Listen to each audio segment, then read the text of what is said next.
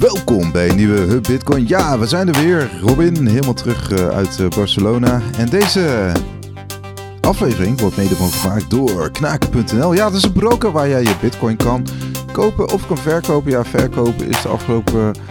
Wanneer was het? Vrijdagavond, uh, vrijdagsnacht moet ik zeggen, toch wel gebeurd. want de prijs die ging behoorlijk onderuit. Tot onder de 42.000 zelfs. En zelfs op uh, Wobi ging hij uh, richting, uh, ja, richting 28.000. Ja, dat was een lokale crash, geloof ik, hè?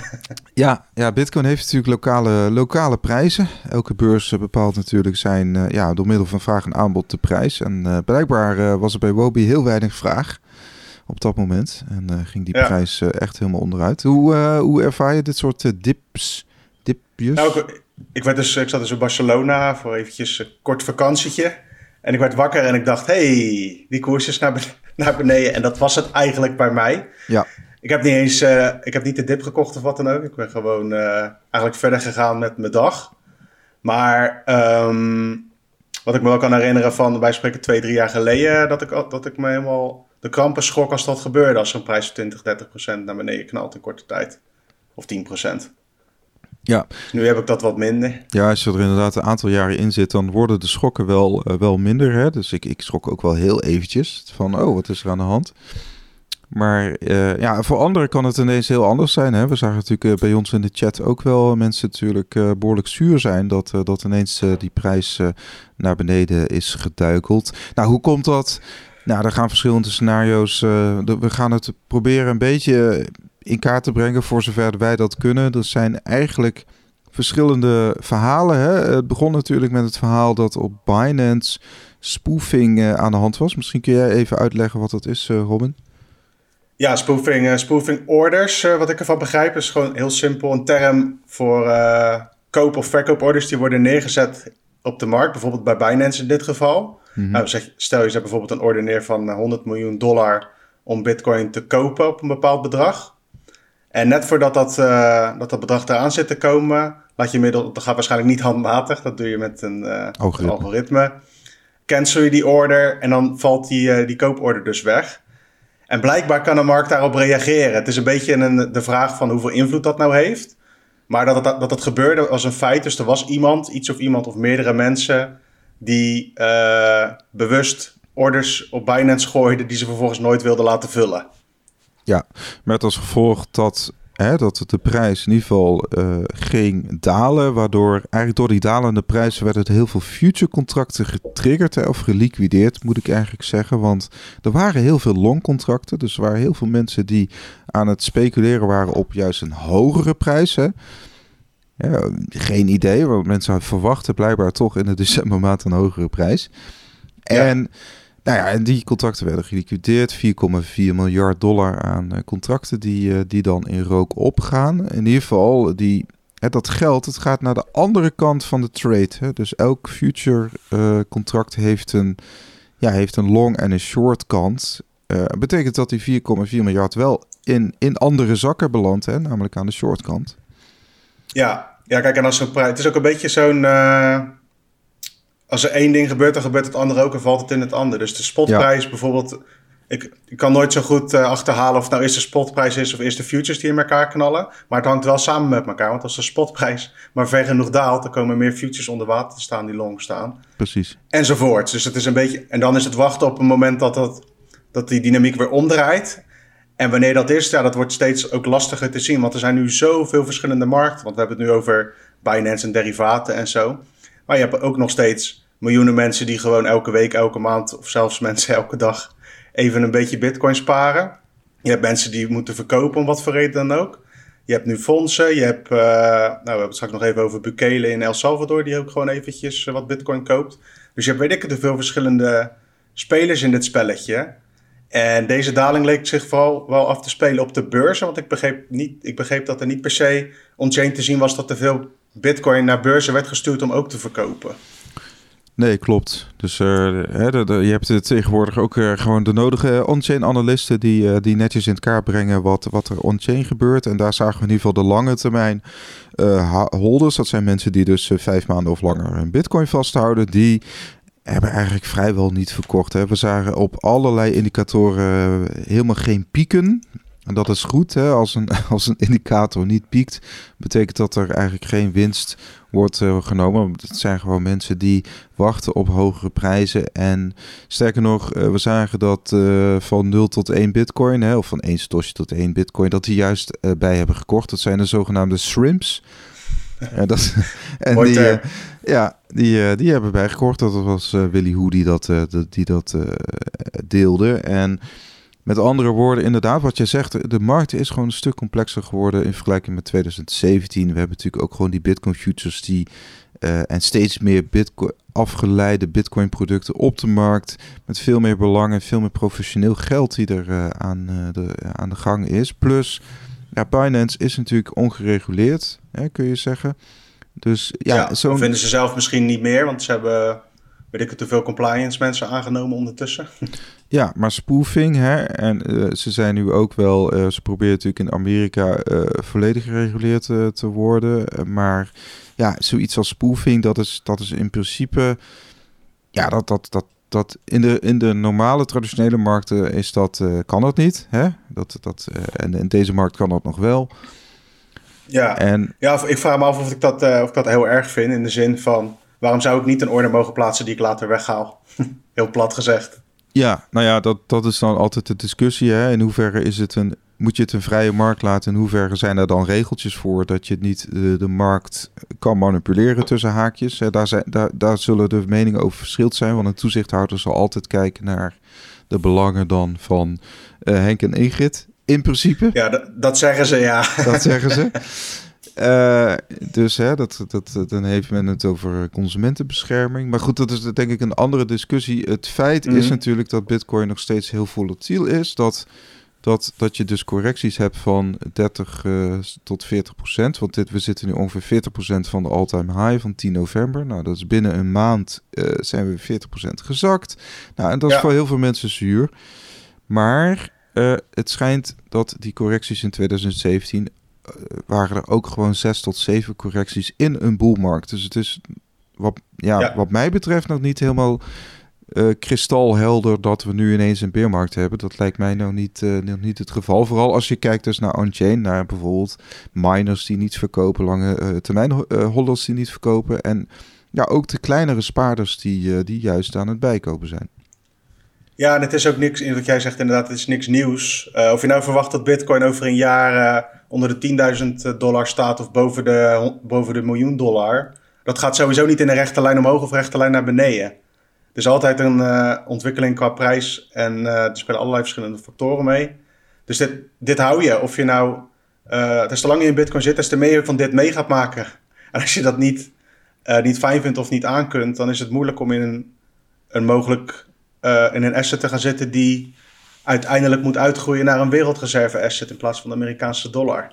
Dat gaat gepaard met uh, pieken en dalen. Klopt. Het is wel zo dat, tot zoals Geert-Jan Kap die dat afgelopen weken ook deelde van de, de, de statistische volatiliteit, de, de, de koersschommelingen procentueel, die nemen wel af. Hè? Mm, ook, ook, dus, dus als je het weer vergelijkt met bijvoorbeeld 2011, 2013, et cetera. Dat, dat is op zich ook logisch, want die, die, die market cap is nu natuurlijk wel uh, veel hoger. Ja, kijk, toen, uh, zeg maar, als je het hebt over die periode, toen was uh, MT Gox die toen gehackt werd, die beurs. Ja. Dat was de reden waarom alles helemaal in elkaar donderde. Dat was toen de grote markt. Maar je hebt nu gewoon, weet ik het, veel verschillende hele liquide mogelijkheden om Bitcoin te kopen en verkopen. Dus het is allemaal veel complexer geworden. Ja. En ja, op zich vind ik het wel interessant dat uh, ik zat nog even terug te kijken naar uh, van die uh, Bitcoin beurzen, hoeveel Bitcoin die hadden. En je zag heel duidelijk dat in de aanloop naar 2017 die all-time high, zeg maar richting de 20.000, was overigens maar heel kort hoor, was een hele korte run omhoog, een paar dagen. Dat er toen echt meer Bitcoin naar beurzen werd gestuurd. Dus dat, dan kan je aannemen dat dat was om te verkopen. Mm En dat zie je nu niet, want het, de, de prijs die wij zien, zeg maar bijvoorbeeld op CoinMarketCap of CoinGecko, of waar je ook kijkt, of ook lokaal, bij lokale beurzen, dat zijn allemaal alleen maar die spotprijzen als het ware. Terwijl er ook steeds meer bitcoin verdwijnt in, uh, in fondsen, in cold storage van individuen enzovoorts. Dus die, dat markt, die marktdynamiek verandert constant. Ja, Ja, plus kijk, we hebben, als je kijkt naar Unchained, hebben we, hebben we absoluut nog niet de top bereikt van, uh, van deze cyclus. En uh, ja, iedereen, de meesten zijn het toch wel over eens dat uh, dit is medio 2019 begonnen, hè, de bullish bull cycle. Het dan ongeveer, en, en, en dat is een aanloop naar die helving van mei 2020. Nou, in principe moet 2021, de jaar na de helving, zou, dat, dat is dan altijd, dan moet, dan moet het verzilverd worden. Hè? Dat, dat wordt 2017. Maar tot nu toe is 2021 dus een, een minder goed jaar dan 2020. En dus sommigen denken dat het juist, hè, dat die, die boels, boelscyclus dus uh, nog uh, zes maanden uh, verplaatst wordt. Nou, dat moeten we dus de komende ja, maanden gaan ervaren. Of dat zo is, of dat ja. we dan toch in een soort nieuwe realiteit komen... waarbij dus bitcoin helemaal niet meer zo hoog kan uitbreken. Ja, dat ja of het is... Ja, precies. Want die, die cyclus komt ook een beetje van inderdaad die halving... die om de ongeveer vier jaar, 210.000 bloks uit mijn hoofd plaatsvindt... waardoor de beloning voor miners door de helft gaat, elke vier jaar.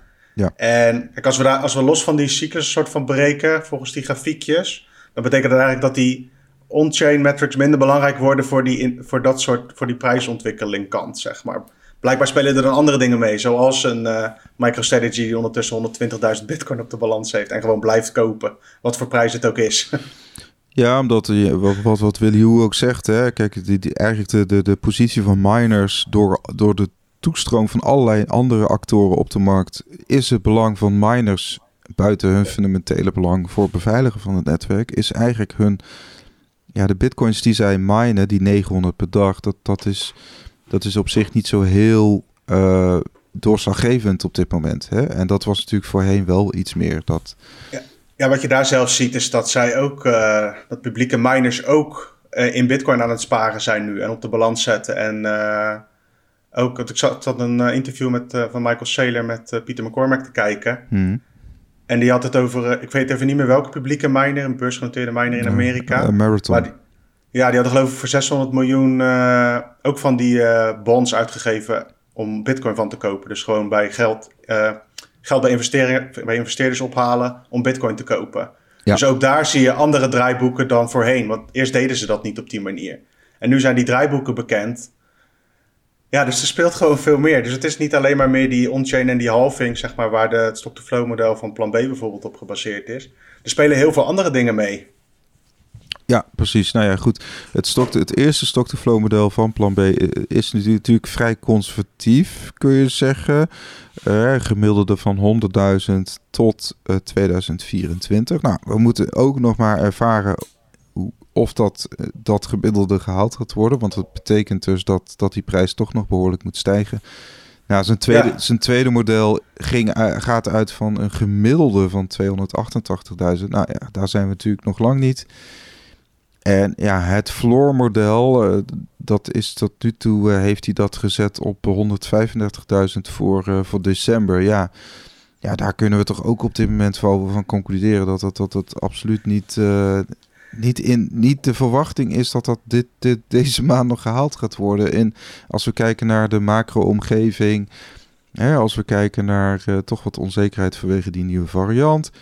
Ja, het is ook een blijvend model. Hè? Het is ook gewoon een. Uh, het is, uiteindelijk is het geen voorspelling. Zo, zo brengt hij het zelf ook wel een beetje, zeker op Twitter.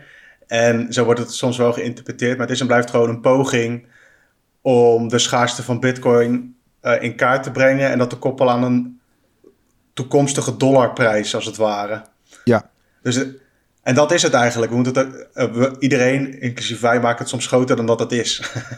Klopt, daar zijn wij, daar zijn wij ook debet aan als media zijnde. Dus dat, dat we soms door middel van een nieuwskop dat ook enigszins oppompen. Maar je, je zult toch uh, ook, en dat, dat zeggen we hier ook dan, dat je, je moet dat ook altijd wel in die zin, maak je eigen plan. Hè? Uh, neem ja, doe het alleen met geld wat je kan missen. En uh, maak het niet rooskleuriger dan het is. Zeker in het begin. Kijk, je kunt, je kunt ook... Uh, er zijn zat uh, mensen te vinden die met leverage... Of nee, met leverage zeg ik verkeerd. Met andere manieren extra in bitcoin gaan zitten. Door bijvoorbeeld een, nieuwe hypotheek op een huis af te sluiten. Weet je, een langlopende lening met relatief lage rente. Wat je kunt betalen. Er zijn manieren om ook verantwoord eh, een stuk langer te gaan op Bitcoin. Maar dat hoeft helemaal niet. De meeste mensen zijn gewoon gebaat bij een klein beetje sparen en het gewoon als spaargeld gebruiken. En niet van die extreme uh, posities innemen om maar zoveel mogelijk te profiteren. Een beetje meedoen is ook, kan ook genoeg zijn. Ja, maar dat, dat blijkt gewoon heel lastig uh, voor de gemiddelde Is ook moeilijk. Hè? Dus de, het, het, het idee van FOMO of het idee dat je, dat je minder profiteert dan de ander bewijzen van, dat, dat is een ja. heel lastig gevoel. En dat... Iedereen uh, die in de altcoin casino heeft meegedaan, kent dat gevoel. Dan heb je, had je zo'n coin bij spreken, die ging dan binnen drie weken ging dat keer vier in dollarwaarde. En dan dacht je, yeah. En dan ging je vervolgens kijken naar anderen en die hadden dan keer 10 gehaald. En dan voelde je alsnog niet goed. Dan gaat er ergens iets, tenminste dat had ik. Dan gaat er ergens iets niet goed in je registratie van beloningen. Want iedereen tekent, bijna iedereen tekent voor een keer 4 in uh, drie weken. ik doe er helemaal niet meer aan hoor. Het is alleen meer, ja. dat gevoel is heb je gewoon, als je ook naar anderen gaat kijken, jezelf constant gaat vergelijken met mensen die het nog beter kunnen doen. Nou, je wordt, je wordt een soort van hebzuchtig. Hè? Ik weet nog wel dat ik, eh, ik keek, ik was, eh, heb ik wel eens verteld dat ik met vrienden zat ik het over mijn portfolio te hebben eind 2017. Ik zei, ja, ja eh, weet je, het, ja, maar het gaat alleen maar nog omhoog, dacht ik. Maar dat was niet zo. En op de duur. En dan ook alles, hè? Alles omhoog. ja, alles omhoog, inderdaad. En ik had, ik had, ik had, moet ik wel zeggen, ik had daarvoor wel wat winst genomen. Maar uh, de rest uh, had ik grotendeels laten staan. Ik denk wel 70, 80 procent had ik laten staan. Ja, en daar, daar, daar kom je ook uh, van de koude kermis terug in die zin. Met Bitcoin vind ik het wel anders. In die zin dat, Zeker. dat zit, zit toch dan een soort lange termijn visie aan vast. En een, een, monetaire, een monetaire visie. En dus da daardoor zie ik het meer als een uh, echt een alternatief voor de euro. Als spaargeld. Ja, ik ben, uh, spaargeld. Aan het einde van de maand ben ik blij als ik meer Satoshi heb. Gewoon dus meer Bitcoin. En of ja. dat nou, of die Bitcoin. Kijk, tuurlijk heb ik het liefst dat die Bitcoin-koers morgen op, uh, op tien keer zo hoog staat als vandaag. Maar dat is niet waar ik van uitga of wat ik belangrijk vind qua metrics of zo. Als ik, als ik aan het einde van de maand meer satoshis heb, heb ik een relatief goede maand gehad.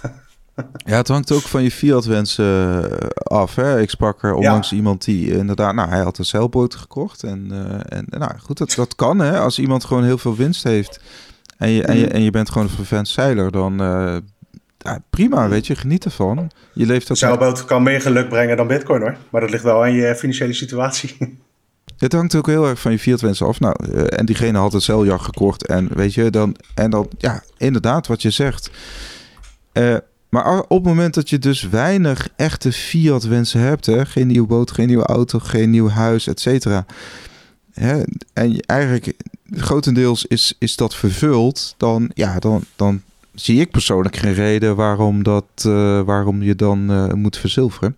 Nou ja, nee. maar dat kan altijd een reden zijn natuurlijk, maar... Of ja, dat is ook wel heel erg vanuit ons dan nu uh, een beetje Ivoren Toren of, uh, gedacht. Vanuit ons van uh, ja, dat oh, wel. geen zeilboot, want ik kan toch wel, weet je, we hebben een dak boven ons hoofd en we kunnen eten scoren bij de Albert Heijn. ja. Dus kwestie van perspectief ook. Kunnen we even gelijk een sprongetje maken naar El Salvador, even kort. Mm -hmm.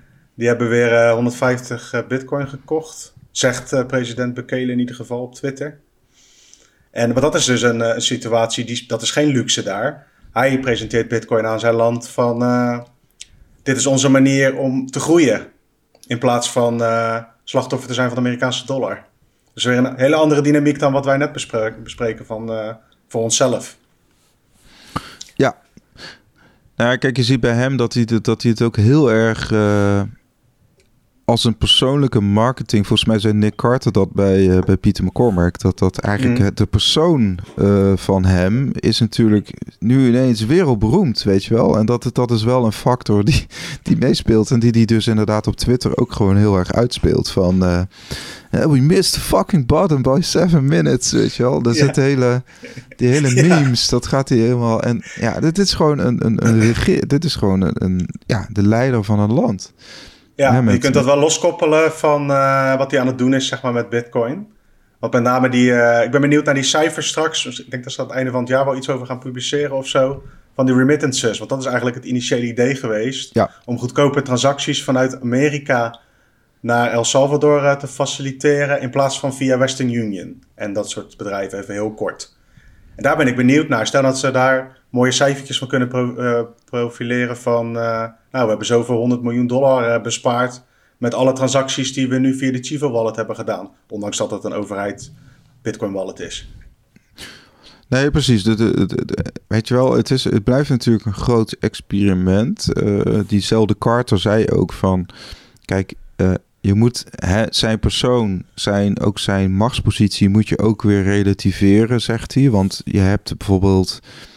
Ik bedoel, volgens hem uh, is de leider van Venezuela of van bij wijze van Iran of Rusland, die hebben natuurlijk veel meer macht en in die zin uh, voldoen, die, voldoen die veel meer aan het, aan het uh, dictator, hè, tussen haakjes, leidersfiguur dan, dan deze meneer. Maar dat heeft natuurlijk ook te maken met de grootte van het land, et cetera. ja, en met, hij heeft geen centrale bank hè, zelf. Of hij heeft misschien wel een centrale bank, maar geen eigen munt.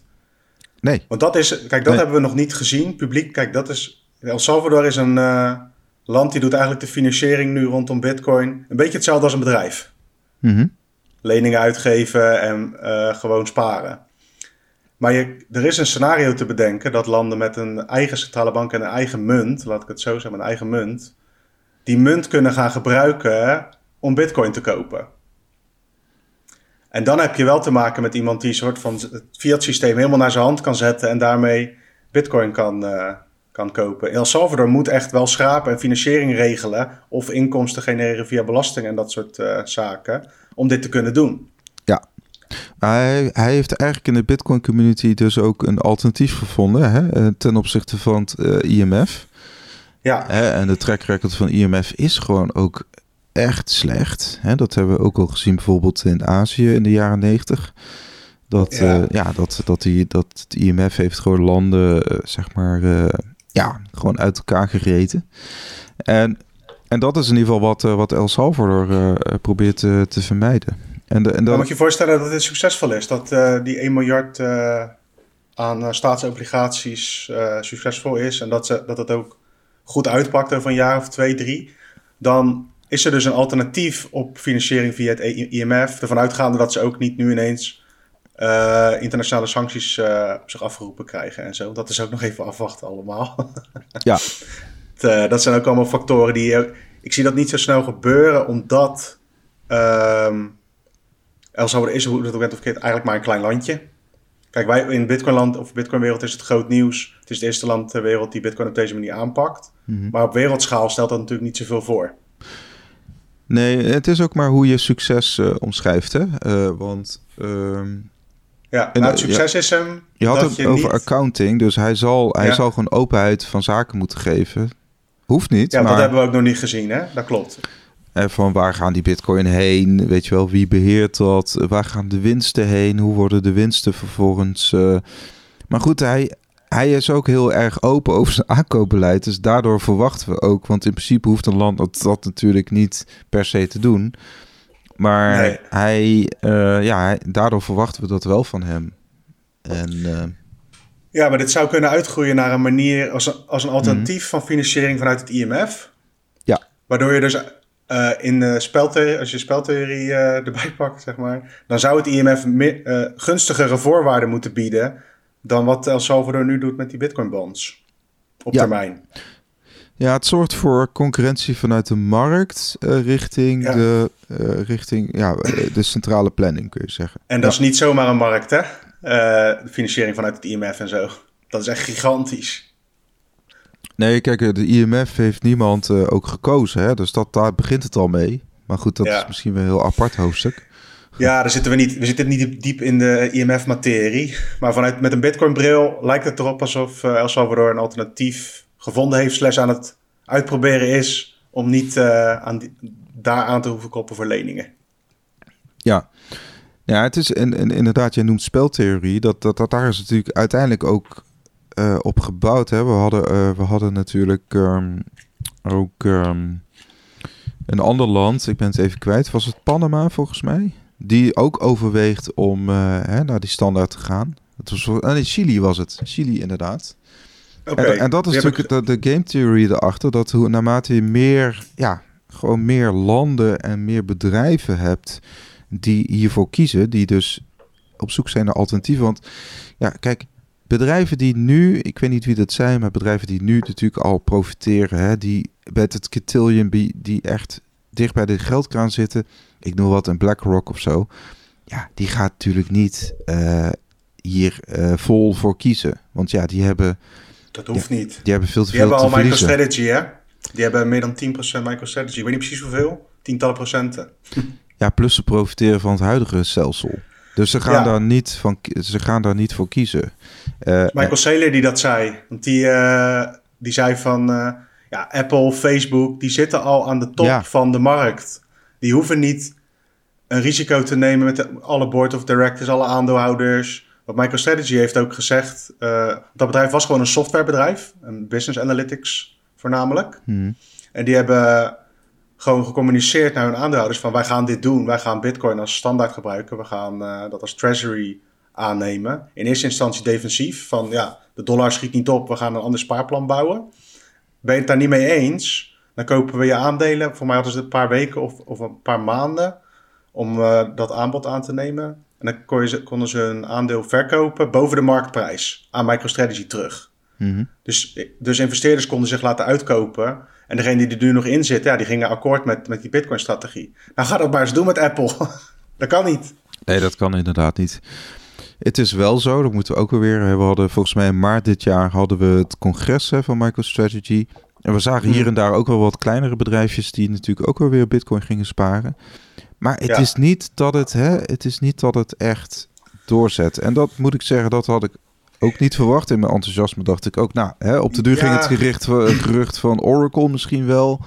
Ja, je we ging hadden het net over die Bitcoin-miner, hè, die voor 600 miljoen eh, Ja. Bitcoin. Je, dus misschien begint dat ook, misschien is dat ook niet binnen twee maanden geregeld. Je ziet wel steeds meer publieke partijen, nu zijn het voornamelijk dan Bitcoin-partijen, die dat op die manier aanpakken. Dus misschien hadden we het ook wat te vroeg ingeschat van, oh, nu MicroStrategy het heeft gedaan, eh, zullen er wel heel veel volgen. Het is ook een kwestie van kijken hoe de andere het doet. Kijk, je kunt nu zeggen dat MicroStrategy het, de strategie, haha, goed heeft uitgepakt.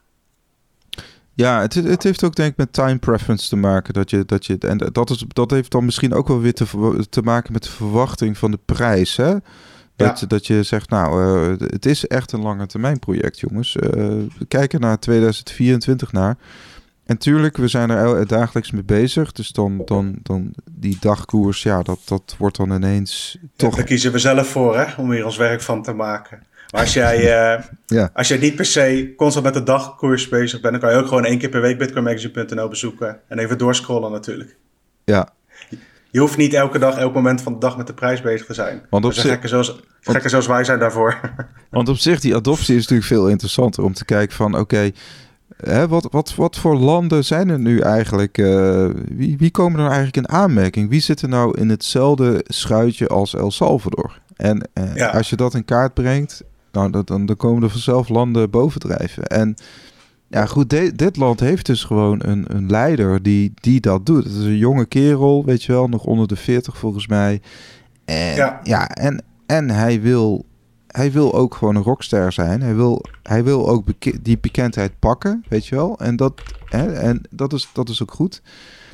Eh, dus, dat, dus er komt ineens alle schijnwerpers vanuit de Bitcoin community komen ook op je land. En dat, dat moet je natuurlijk ook gewoon eh, wel, eh, Klopt. wel Ja, aankomen. hadden we hadden het net over landen met gewoon een eigen centrale bank en een eigen munt. Een beetje tegenovergestelde van El Salvador is dan bijvoorbeeld Indonesië. Daar kwamen Mhm. nu geluiden naar buiten vanuit de Bank Indonesia, dat is de centrale bank. Van eh, een nieuwe eigen central bank digital currency is geloofwaardiger als munt dan bitcoin of andere cryptovaluta. Dat Ja. is nou een, een land, dus ook een heel ander eh, profiel, hè? want daar wonen geloof ik, eh, ik zal het even nakijken, 273 miljoen mensen woonden daar in 2020. Dat is van een heel ander kaliber dan El Salvador. Ja. Maar daar zie je dus het tegenovergestelde. Een land of een centrale bank die heel duidelijk zegt, net als in Europa eigenlijk, van eh, bitcoin is geen geld, we gaan het op onze eigen manier doen. Nou, en daar heb je ook heel veel beïnvloeding vanuit religieuze leiders om te zeggen: hey, die cryptocurrencies, die zijn, ehm, ja, die zijn eigenlijk niet eh, kosher, weet je wel. Die zijn niet, eh, hoe noemen we dat, in haram. Ja. Dus die zijn eigenlijk ehm, verboden. Ja, je hebt daar twee verschillende dingen over. Verschillende moslimorganisaties in dat land, islamitische organisaties. En de een zegt inderdaad van, uh, is niet de bedoeling en de ander weer wel. Dus daar spelen ook andere spelletjes mee.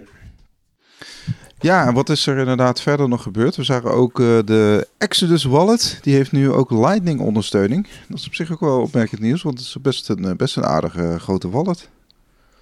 Uh, ja, volgens mij is dat een uh, vrij populaire wallet. Je kunt er ook allerlei NFT's zooi in doen, geloof ik, ondertussen. En andere altcoin dingen. Mm -hmm. Maar dus ook uh, bij de nieuwste versie op de mobiele app alleen nog met Lightning transacties doen. Cool. Ze integreren, ze hebben niet zelf software gebouwd. Ze hebben de Wallet of Satoshi functionaliteiten geïntegreerd. En het komt eigenlijk op neer, dat is gewoon een custodian dienst waarmee gebruikers makkelijk Bitcoin Lightning transacties kunnen doen. En Bitcoin Lightning, even heel kort, is het Lightning Network is een laag bovenop Bitcoin, waarmee je in principe snelle transacties kunt doen en goedkoper. En wat uh, Exodus nu heeft gedaan, is een aantal functionaliteiten ingebouwd, waardoor je onder andere bijvoorbeeld in de praktijk kun je via Lightning Bitcoin daar snel naartoe sturen. Hm. En het dan direct omzetten naar Bitcoin, gewoon on-chain, om daar dan weer mee verder te gaan, wat je dan, whatever je wil doen. Ja, dus ze bieden eigenlijk een nieuwe dienst aan. Uh, en daar is Lightning onderdeel van. Ja, het is echt een naam, hè? Ook echt uit die 2016, 2017 uh, area, uh, era kun je zeggen, Exodus. En ik moet zeggen... Ja, ik ken het echt alleen van naam. Ik heb het wel eens gebruikt, gewoon op desktop. En op zich werkte dat best, best, best handig. En okay. ja, het is ook denk ik gewoon een bedrijf die... Dus, volgens mij 2016, 17 was er ook wel ooit sprake van een kleine hack... Maar volgens mij is dat inmiddels ook, uh, uh, ja, is inmiddels ook al opgelost. Maar het, het, is in ieder geval een bedrijf wat ook gewoon best wel hard aan het bouwen is, wil ik zeggen. En uh, op zich. Ja, dat wat ze gingen ook nog bij die aankondiging leukten ze nog wat op door implementatie met FTX. Ja. Dus een opkomende cryptobeurs in Amerika, die ook ondertussen tientallen miljarden geloof ik alweer waard is in dollars. Ja, volgens ja. de laatste financieringsronde. Ja, ik zou het niet opkomend willen noemen, maar het is de, hè, samen met Binance echt wel uh, een belangrijke futurebeurs. Maar je kunt ook ja, ik noem het opkomend omdat ze nog zo jong zijn. Oh zo, ja, ja, ja. Ja, maar inmiddels, uh, ze hebben volgens mij zes weken geleden al 600 miljoen opgehaald. En ja. dan komt dus nu, willen ze nog 1,5 of 6 ook weer ophalen. Dus... En die Sam Friedman, even kijken, hoe heet hij nou ook weer? Nee, Sam Bankman Fried. of Fried. ik weet ook niet, maar die, uh, dat, is, dat is een soort van, uh, ja, die stond, stond ook uh, de, de, de 30 under 30 van Forbes. Hè? Dat zijn dan een soort van talentvolle ondernemers of mensen. Ja. Hè? nou, daar staat hij ook weer tussen. Het is een beetje echt binnen, binnen Amerika echt zo'n soort spokesperson namens de ja, cryptocurrency-markt kun je zeggen. En uh, hij wordt... Uh, The Golden Boy. Hij wordt ook... Uh, 8 december zal hij ook naar het Amerikaanse congres gaan. Om eigenlijk zijn zegje te doen over, over de, de, de, de markt. Hè? Want heel veel van die marktpartijen die hebben te maken met allerlei verschillende soorten toezichthouders. SEC, CFTC, maar soms ook de FinCEN. Dat gaat dan weer over witwassen. En dan heb je natuurlijk die bankaire, uh, dat bankaire comité met die hele moeilijke naam met controller erin ben ik even kwijt. Oh ja, sure. Ja, controle. Ja, ik weet ook niet precies.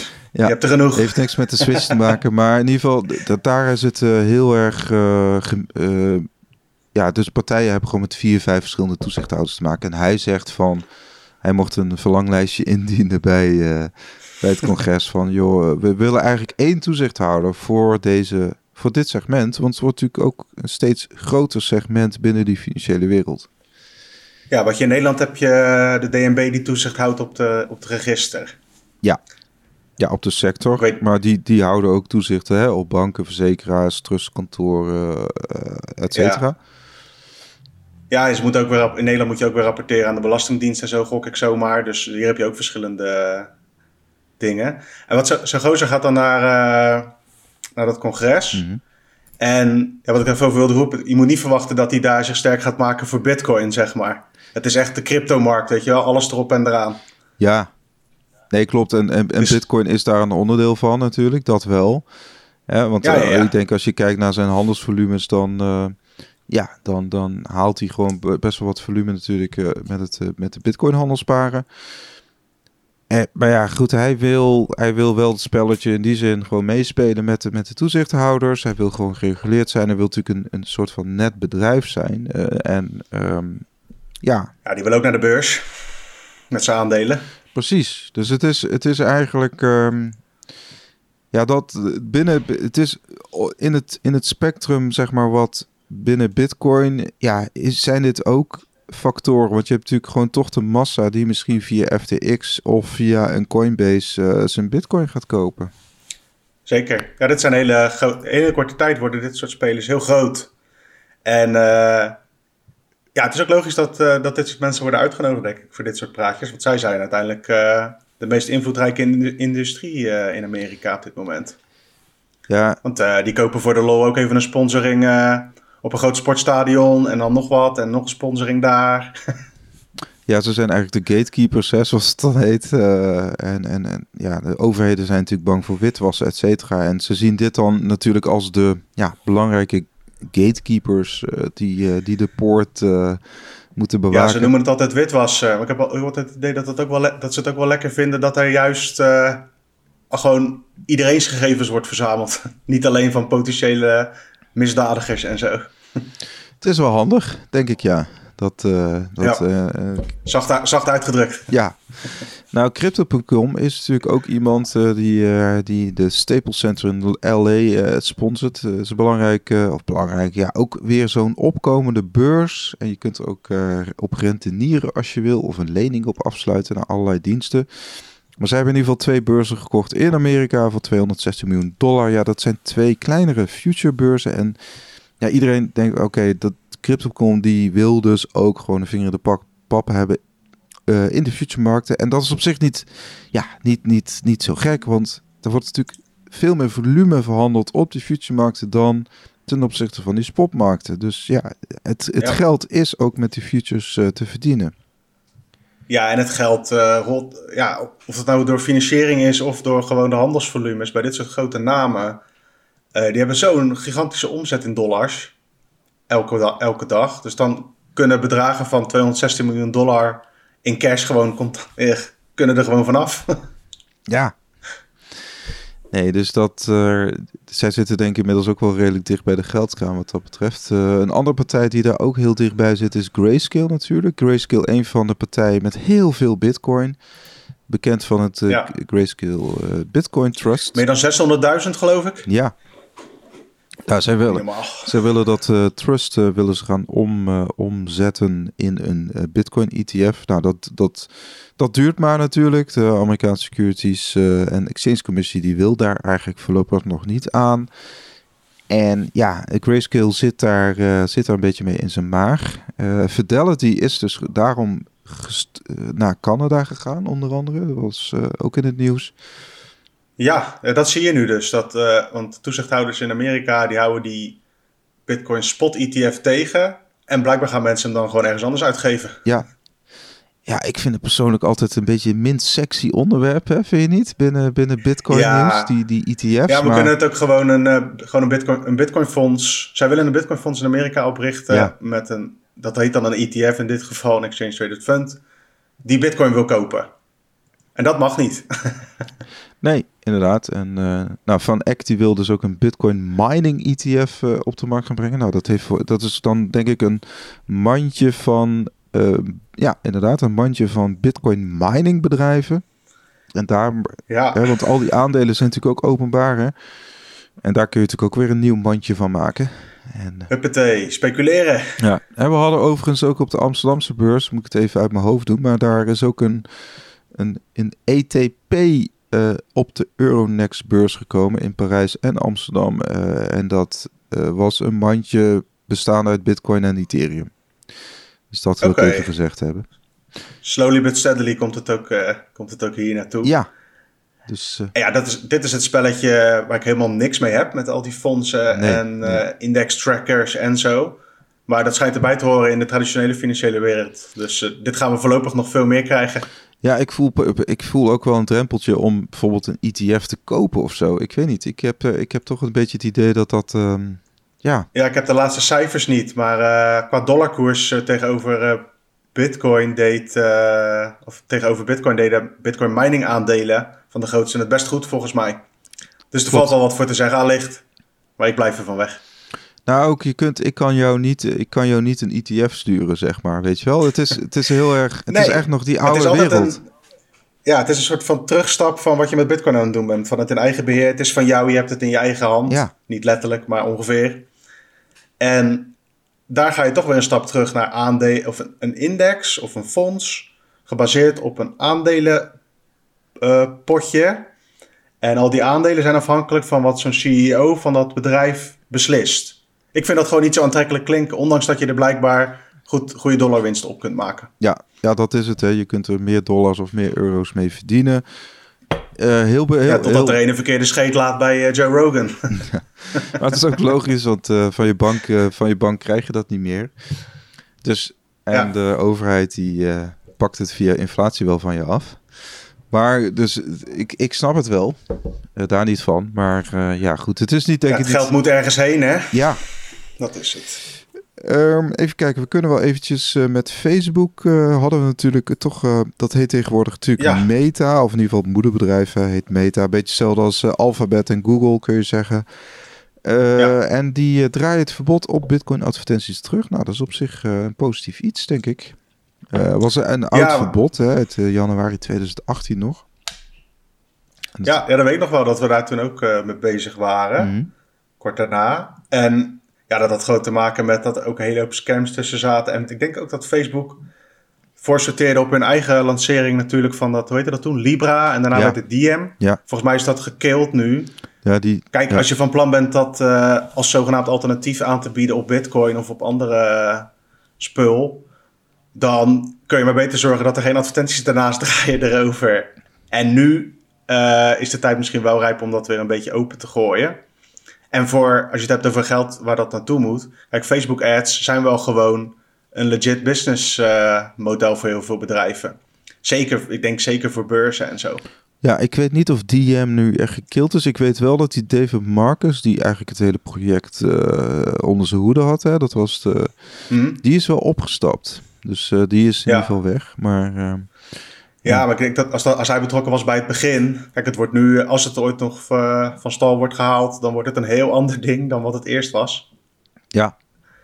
Dus misschien hebben ze daar ook iemand anders voor nodig. En dat soort dingen spelen nu wel hè, bij die techbedrijven. Want Facebook zet natuurlijk ook heel erg in op de metaverse en zo. Mm -hmm. En Mark Zuckerberg heeft volgens mij wel een geitje, toch? Die Bitcoin heet of zo. of Satoshi. Ja, klopt ja. ja. dus hij, hij speelt er wel mee. Het is niet dat hij het niet kent. ja, het zou me verbazen als hij geen bitcoin uh, zou hebben. Maar goed, dat terzijde. Ja. Want ja, kijk, de, de, de, CEO van Apple heeft waarschijnlijk ook gewoon bitcoin. In ieder geval, hij heeft een crypto portfolio, gaf je onlangs aan. Die zit natuurlijk wel een beetje in die kringen van die VC's in Silicon Valley. Hè, die allemaal vol voor andere... Uh, ja, uh, zolang, zolang jij kansen ziet om dit, om, als jij denkt als Facebook of als Meta van ik kan dit zelf doen met een eigen digitale huppel de pub en dit en dat, dan snap ik ook wel dat je niet direct Bitcoin gaat omarmen. Dat is business, business-wise wil je proberen dat zelf in handen te krijgen. Ja. In mijn ogen gaat dat niet lukken, maar dat, dat moet blijken. Nou ja, een van de landen die ze targeten was natuurlijk India. Want er was toen destijds ook een... Uh, hè, dat, dat je kon gaan betalen via WhatsApp. En, en India zou dan een van hun, uh, hun richtmarkten oh, klopt, zijn. Ja. En, um, een soort WeChat. Ja. Maar dan uh, WhatsApp. Maar goed, India was ook weer het nieuws. Want er komt in ieder geval geen verbod op bitcoin. Dat lijkt me ook vrij lastig. Maar er zijn wel hele strenge regels in de maak uh, voor, uh, voor die lokale markten. En dat, dat rommelt natuurlijk al heel lang in India. Het, het, het gaat natuurlijk steeds over. Hè, ze zijn natuurlijk bang dat Bitcoin toch een soort betaalmiddel wordt voor, voor, voor de bevolking. Hè? Want ja, eigenlijk, ja, daar heb je natuurlijk ook veel uh, remittances in, in India. Veel grote di diaspora ja. natuurlijk in de rest van de wereld. Ik heb jaren geleden ik denk dat het echt 2017 of 16 was, uh, iemand uit India kreeg gesproken via Telegram. Via via, lang verhaal. Maar die vertelde dat, dat hij eigenlijk geen creditcard kon krijgen. Mm. En dat hij toen al uh, bitcoin gebruikte om over de grens producten te kopen. Want eigenlijk kon je alleen over de grens met Mastercard, of tenminste met creditcard betalen. En dan soms met bitcoin. En dat scheelde gewoon uh, tientallen procenten in de prijs. Dus de lokale prijs in India was duurder. Maar omdat ze geen creditcard konden krijgen, konden ze niet in het buitenland kopen, normaal gesproken. Oh ja. Dus je hebt daar heel erg te maken met mensen die gewoon vanaf de start ook financiële mogelijkheden gewoon achterstaan. Niet alleen qua spaargeld of dat ze überhaupt wat kunnen verdienen, maar gewoon ze kunnen niet de juiste betaalmiddelen betaalmanieren krijgen om goedkoper dingen te kopen. Nee. En als je dat dan de kop indrukt, ja, dan is dat gewoon een. Stel dat, stel dat die regels erdoor komen en het wordt strafbaar uh, om Bitcoin te hebben of dat soort dingen. Stel dat dat er dan. Um, dan sluit je die hele groep helemaal af daarvan. En dat is, dat is, gewoon, uh, is gewoon kwaad natuurlijk, dat klopt niet. Nou in potentie, ik ben, ik ben er in 2004 ook geweest in India. En eh, weet je wel, het is natuurlijk heel druk en heel veel marktjes heb je daar. En op zich zou bijvoorbeeld een Lightning Wallet zou daar wel, denk ik, goed kunnen werken. Iedereen heeft toch wel een telefoon over het algemeen. Of je hebt het echt over de echte onderklasse, hè, die, die, die eigenlijk echt gewoon helemaal niks heeft. Maar zeg maar, als je een beetje lagere middenklasse, middenklasse, ja, die, die hebben echt wel allemaal een telefoon. En daar, uh, daar, zou, daar zouden op zich Lightning betalingen goed mee kunnen werken. Maar goed, ja. Zij moeten toch weer kunnen omwisselen in, in roepies. En daar, daar, daar, daar wringt het hem natuurlijk een beetje. Dat die, uh, de, de, ja, de centrale bank wil daar überhaupt niet, uh, niet aan. Dus het ziet, het In ieder geval publiekelijk niet. Want ook zij roepen weer natuurlijk een eigen central bank digital currency uit te willen geven. Ja, ja ik denk wel dat ik. Maar goed, Ehm, ik denk dat daar bijvoorbeeld crypto naar crypto, dat dat, hè, dat wordt dan een soort van gedoogd. Maar echt het omwisselen van uh, bitcoin uh, bijvoorbeeld naar roepies, dat, dat, dat, daar zitten dan gewoon heel veel strenge regels aan. Ik denk dat het zoiets wordt hoor, dat is mijn inschatting. Ja, we zitten natuurlijk heel ver vanaf. Het is ook een beetje van tweede, derde, misschien zelfs van vierde hand... in dat wij uh, dat nieuwsbericht lezen en daar dan zelf wat over kunnen schrijven. Uh, maar in theorie zou dit, kijk, als Bitcoin echt voet aan de grond krijgt in India, zou dat heel, heel voordelig kunnen zijn voor heel veel mensen daar. Of dat ook daadwerkelijk gaat gebeuren in korte tijd, dat betwijfel ik. Tegelijkertijd, en dat is dus een hele andere orde, dus we hebben het nu over mensen die uh, geen creditcard kunnen krijgen, om wat voor reden dan ook in India. Aan de andere kant van het spectrum heb je nu steeds meer tech-CEO's komen allemaal of hebben een oorsprong uh, of een roots in, in India. Mm. Dus er is daar wel een. Uh, er zijn natuurlijk zoveel mensen, meer dan een miljard, 1,3 geloof ik, of niet? Ja, het kan goed, ja. Volgens mij meer dan in eh, China bijna, dacht ik. Ja, nou in ieder geval gigantisch veel mensen. En allicht dat dat soort gasten op termijn ook wat kunnen betekenen voor uh, wat meer betaalopties of wat meer makkelijkere manieren om aan Bitcoin te komen in, uh, in India. Ja. Maar wat ik zei, het is voor mij ook maar. Ja, zo, ik ben niet bekend met India als land voor de rest, buiten het nieuws wat we erover volgen. Ja, nou, iets in dezelfde trant. Hè. Uh, Poetin natuurlijk in, in, Rusland zit ook niet te wachten op bitcoin. Hè. Bitcoin is daar ook verboden als betaalmiddel in Rusland. Hè. Uh, want ze zijn bang natuurlijk dat de roebel ondergaaf wordt. Mensen mogen het wel, voor zover ik weet, mogen ze het wel uh, hebben hè, als belegging. Maar dan ook nog tot ja. bepaalde hoogte. Tot zover heb ik het ook begrepen. Ambtenaren moeten het bijvoorbeeld volgens mij wel inleveren vanaf, uh, ik denk vanaf begin volgend jaar, of misschien was het al vanaf begin dit jaar. Mm -hmm. Of in ieder geval ook netjes gaan opgeven. Ja. Om belangenverstrengeling te voorkomen en dat soort zaken. En ze zijn ook bezig um, met, uh, volgens mij, met uh, belastingen. Hè? Dus het, alles, volgens mij alles boven de 800 dollar of hè, aan, aan cryptocurrencies moet je sowieso. Uh, ja, opgeven. Rusland is ook een land die, diep, die ook inzet op. Die hebben laatst uh, geïnvesteerd in, een, in software om meer surveillance uh, toe te kunnen passen op de geldstromen van Bitcoin en zo. Dus ja, dat, dat speelt daar ook. Tegelijkertijd is het natuurlijk ook een land waar heel veel Bitcoin gemined wordt. Dat het grootste land ter wereld qua landoppervlakte. Dus er zullen genoeg plekjes zijn waar je relatief goedkope energie op kunt wekken. Ja, het is de het grootste, uh, het land met de meeste natural resources. Hè? Dat is echt bizar. Hè? Ja, dat land is echt, is, het land is zo groot. Dat is echt niet, moet je, als je gewoon Google Maps een beetje gaat scrollen. Het is echt bizar. Ja, ja, dan heb je echt een groot scherm nodig. Ja, ja. ja op je laptop lukt het niet. maar uh, nou ja, dit soort landen, ja, China, Rusland, uh, uh, je ziet toch dat, ja, we weten ook niet wat ze doen natuurlijk. Dus kijk, bijvoorbeeld Car Nick Carter zei ook wel van, ja, van Noord-Korea vermoedde hij van, ja, dat, dat hebben duidelijk als strategie om, om echt via hacking uh, aan bitcoin te komen. Dat het zijn, het zijn analyse. En Iran, Ja. Iran probeert natuurlijk via, via mining. Hè, om toch via mining bitcoin te krijgen. En ja, ook in Rusland heb je nog steeds 6,5% van de hash rate ligt in Rusland. Naar, naar schatting inderdaad. dus ja. ja. Het is ook maar waar gaat die bitcoin heen? Dat weten we gewoon niet. En, en Nee, ja, tegelijkertijd heeft Poetin ook wel eens gehint naar... eh, toen ging het... In een interviewtje was dat. Ik denk met CNBC, maar dat weet ik niet ja, met de zeker. Amerikaanse dame, ja. Ja, dat ging over ehm, internationale betalingen met bitcoin. En daar gooide hij, of met cryptocurrency en bitcoin eh, werd er genoemd. Dat ging niet, hij gooide niet gelijk de deur dicht. Hij zei eigenlijk met een knipoog van, eh, we, gaan, we zijn nu geen plannen, maar het zou een optie kunnen zijn. En daar doet hij met name op natuurlijk, op die internationale sancties die Rusland eh, tegen zich heeft, waardoor ze niet zo makkelijk met de dollar kunnen betalen. Ja, je- kijk, je kunt het zien als, eh, stel dat jij als land, je hebt dan een voorraadje goud en je, en je gaat dan ook als alternatief gewoon eh, een voorraadje bitcoin aanleggen, waarom niet? Ja, ja nou, kijk, El Salvador is één, hè. Maar als Rusland echt publiekelijk gaat zeggen van... we gaan met bitcoin olie verkopen... dat is wel echt gigantisch. Als dat, dat, dat kan niet zomaar, zeg maar. Dat is echt... Ik, eh, ik wil niet zeggen... Ja, ik ga het wel reden voor oorlog. als je van de dollarstandaard afstapt Ja, om olie te exporteren. Dus dat kan, dat kan eigenlijk ook niet zomaar op geopolitiek niveau. nee. Maar wat hij achter de schermen doet, dat, eh, dat weten we inderdaad niet. Ik kan me niet voorstellen dat er niks is. Nee, nee dat, dat, dat heb ik ook hoor. Er, er, er, zit wel wat. En dan heb je natuurlijk ook nog gewoon landen zoals... eh, ja, gewoon landen die, die wel bijvoorbeeld via eh, hacks of juist via inbeslagnames ook bitcoin hebben. Bijvoorbeeld een land als Bulgarije. Nou, dat is natuurlijk wel veel, min, eh, veel kleiner. Maar ja, Ja, laten we even afsluiten met een Nederlands Bitcoin-bedrijf. En niet zo'n heel goed, ja, minder nieuws in die zin dat Bitter die, die moet uh, omgewild uh, stoppen na een sluiting van de bankrekening in Zwitserland was dat. Uh, Marnix ja. had er ook een nieuwsbrief uh, aan gewijd. Banken zijn verschrikkelijk. En ja, Ruben Waterman is in Nederland, die heeft dat uh, opgericht. Hè. Het is natuurlijk een DCA-service, dus je kunt eigenlijk gewoon via een automatische bankoverschrijving ga je, uh, automatisch bitcoin sparen. Zij regelen dat. Ze hadden natuurlijk eerst in Nederland dat ge gedaan, toen naar Zwitserland. En nu zegt die bank inderdaad dat, uh, dat ze stoppen met hun diensten aan Bitter.